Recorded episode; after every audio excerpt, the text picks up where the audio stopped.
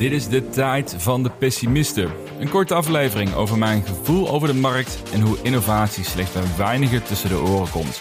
Dit is de Mr. Dawn podcast.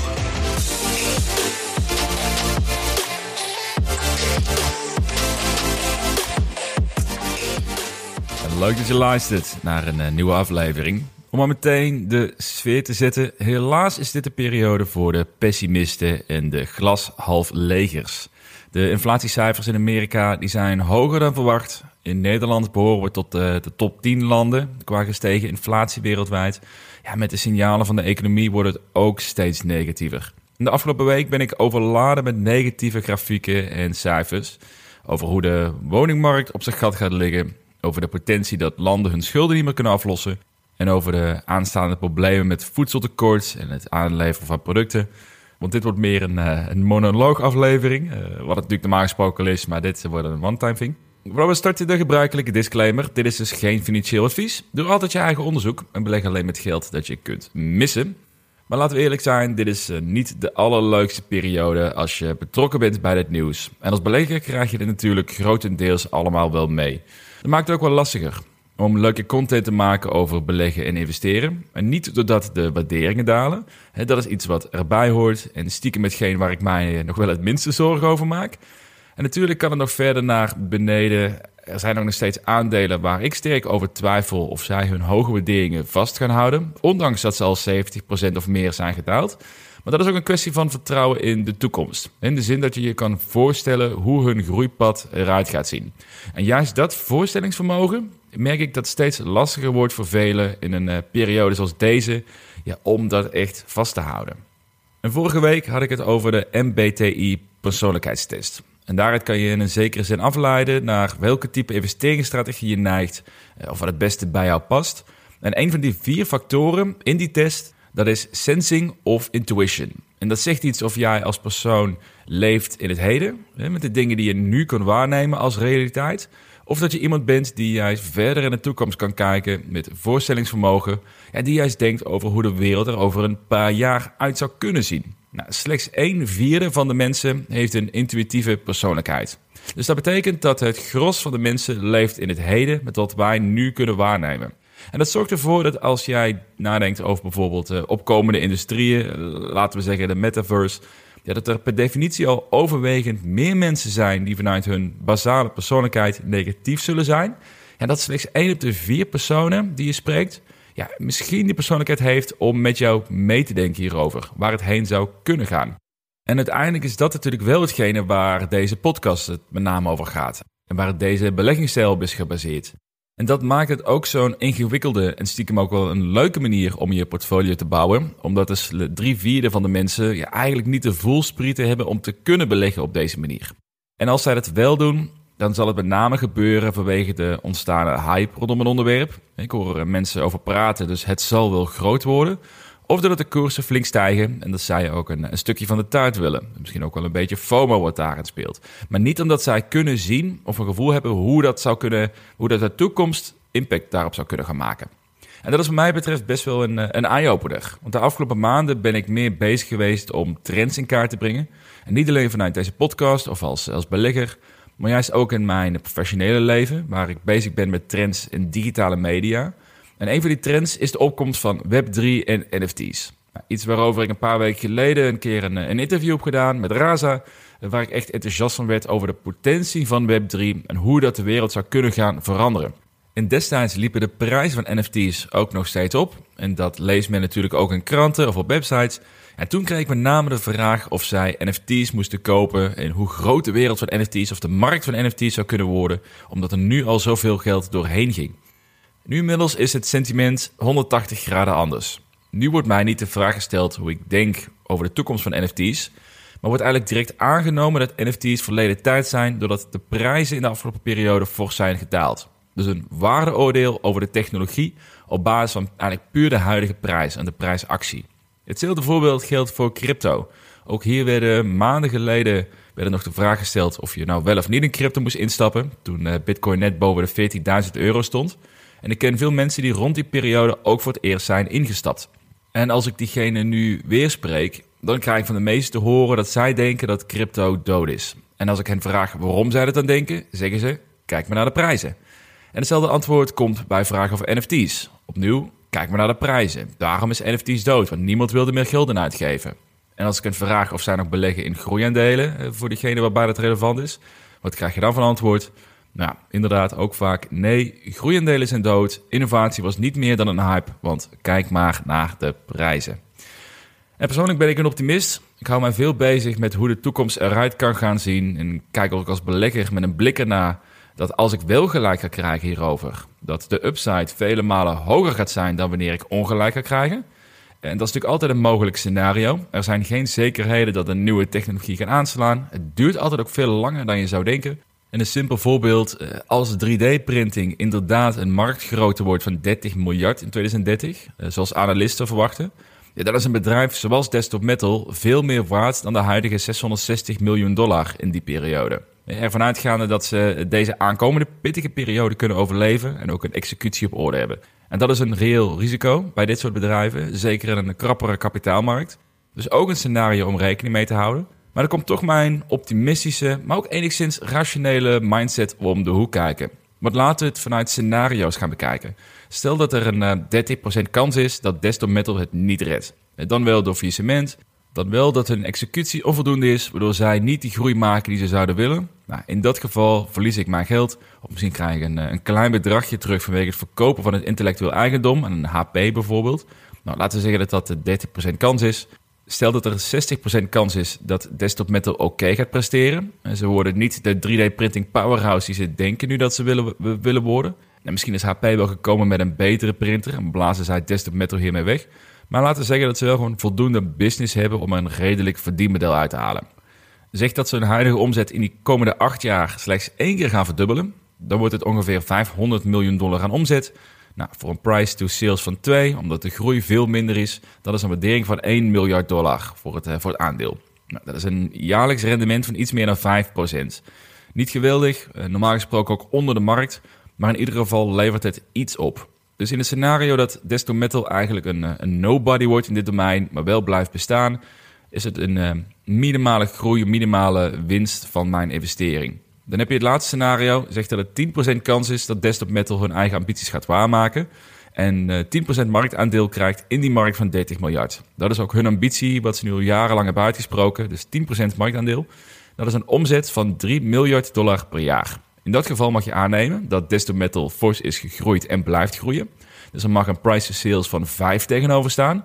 Uitgaande van neutrale tot een positief beurssentiment, wat over een grote deel van de periode het geval is. En dan spreek je van een waardering van 15 miljard dollar. Dat is een 20x op de huidige investering en een jaarlijks rendement van bijna 50% als je de komende 8 jaar bekijkt. Dus als we drie cappen, er is 30% kans dat ik mijn geld verlies, er is 60% kans dat ik een, beetje rendement erover maak en er is 10% kans dat ik er een, een fortuin aan verdien. En niet te veel nadenken over deze percentages. Het ligt iets, um, iets gecompliceerder dan uh, 30, 10, 60. Maar als ik in vier bedrijven kan investeren met deze kansen om me erbij, dan is de kans nog steeds ontzettend groot dat ik eind 2030 ontzettend gelukkig ga zijn van deze, van deze investeringen. Het punt is echter, veel mensen die deze argumenten nu horen, die in deze fase wil je het niet horen. In ieder geval dus niet in de, op het moment dat de beurs zo negatief is. Want de eerste reactie zal zijn dat het scenario van een faillissement te optimistisch is ingeschat. Dat zou niet 30% moeten zijn, maar dat zou 80% moeten zijn. Want met deze economie gaan alle veelbelovende start-ups naar de knoppen. Of dan een waardering van een vijf keer price sales, dat dat overdreven hoog is. Want uh, we zien nu dat veel aandelen die juist een hoge ratio hadden, enorm gecorrigeerd worden. Dus dat is veel te optimistisch ingeschat. Laat staan dat 3D-printing ook gewoon onzin kan zijn, uh, dat het nooit een serieus schaalbaar businessmodel wordt. Dus ik vrees dat veel mensen uh, stiekem in hun achterhoofd ja, toch dit soort sentimenten laten overheersen. Terwijl in een bull market, anderhalf jaar geleden, het sentiment toen was dat uh, desktop metal enorme groei kan maken. Dat 3D-printing de toekomst zou zijn. En zo heb je dat voor alle, alle domeinen. Dus heb je niet alleen voor 3D-printing, maar ook voor elektrische voertuigen. We zouden anderhalf jaar geleden wisten we zeker dat we eind dit decennia allemaal in elektrische voertuigen zouden rijden. En dat de nieuwe generatie aan automakers daarvoor zouden gaan zorgen. Nou, tegenwoordig lijkt het wel alsof de nieuwe generatie automakers weer totaal geen bestaansrecht hebben. Terwijl dat totaal niet overeenkomt met de werkelijkheid in de cijfers. En volgens mij is dat ontzettend zonde. Maar als je de ervaringen vanuit het verleden leest, uh, van bekende en succesvolle beleggers, Dan is het normaal gesproken is dit de periode om juist agressiever te worden. Datzelfde zie je ook terug in podcast waar gesproken wordt met, met angel investors, die vooral met name in startups investeren die niet beursgenoteerd zijn.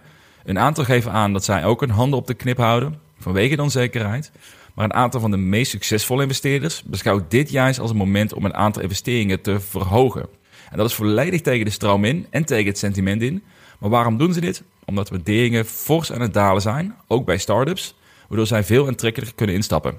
Hetzelfde is natuurlijk ook aan de hand bij aandelen. En ik vind het interessant om mee te maken nu, van hoe vluchtig de mindset van beleggers kan veranderen. Een jaartje geleden, toen met name groeiaandelen flinke val meemaakten, zag ik overal de beruchte zin van Warren Buffett voorbij komen. Be fearful when others are greedy and be greedy when others are fearful. Ik kan die zin niet meer horen. Ik moest een eh, klein beetje overgeven mijn mond om dit uit te spreken. Uh, maar die zin heb ik in de afgelopen weken eigenlijk niet meer gehoord. Schijnbaar is het sentiment inmiddels zo negatief dat men het ook niet meer wilt horen. Ze willen niet meer bijkopen, ze willen niet meer greedy zijn, want eh, er gebeurt op dit moment zoveel negativiteit, zoveel negatieve dingen in de economie, dat we hier helemaal geen trek meer aan lijken te hebben. En dat is stiekem wel het moment waar Buffett op doelt met deze quote.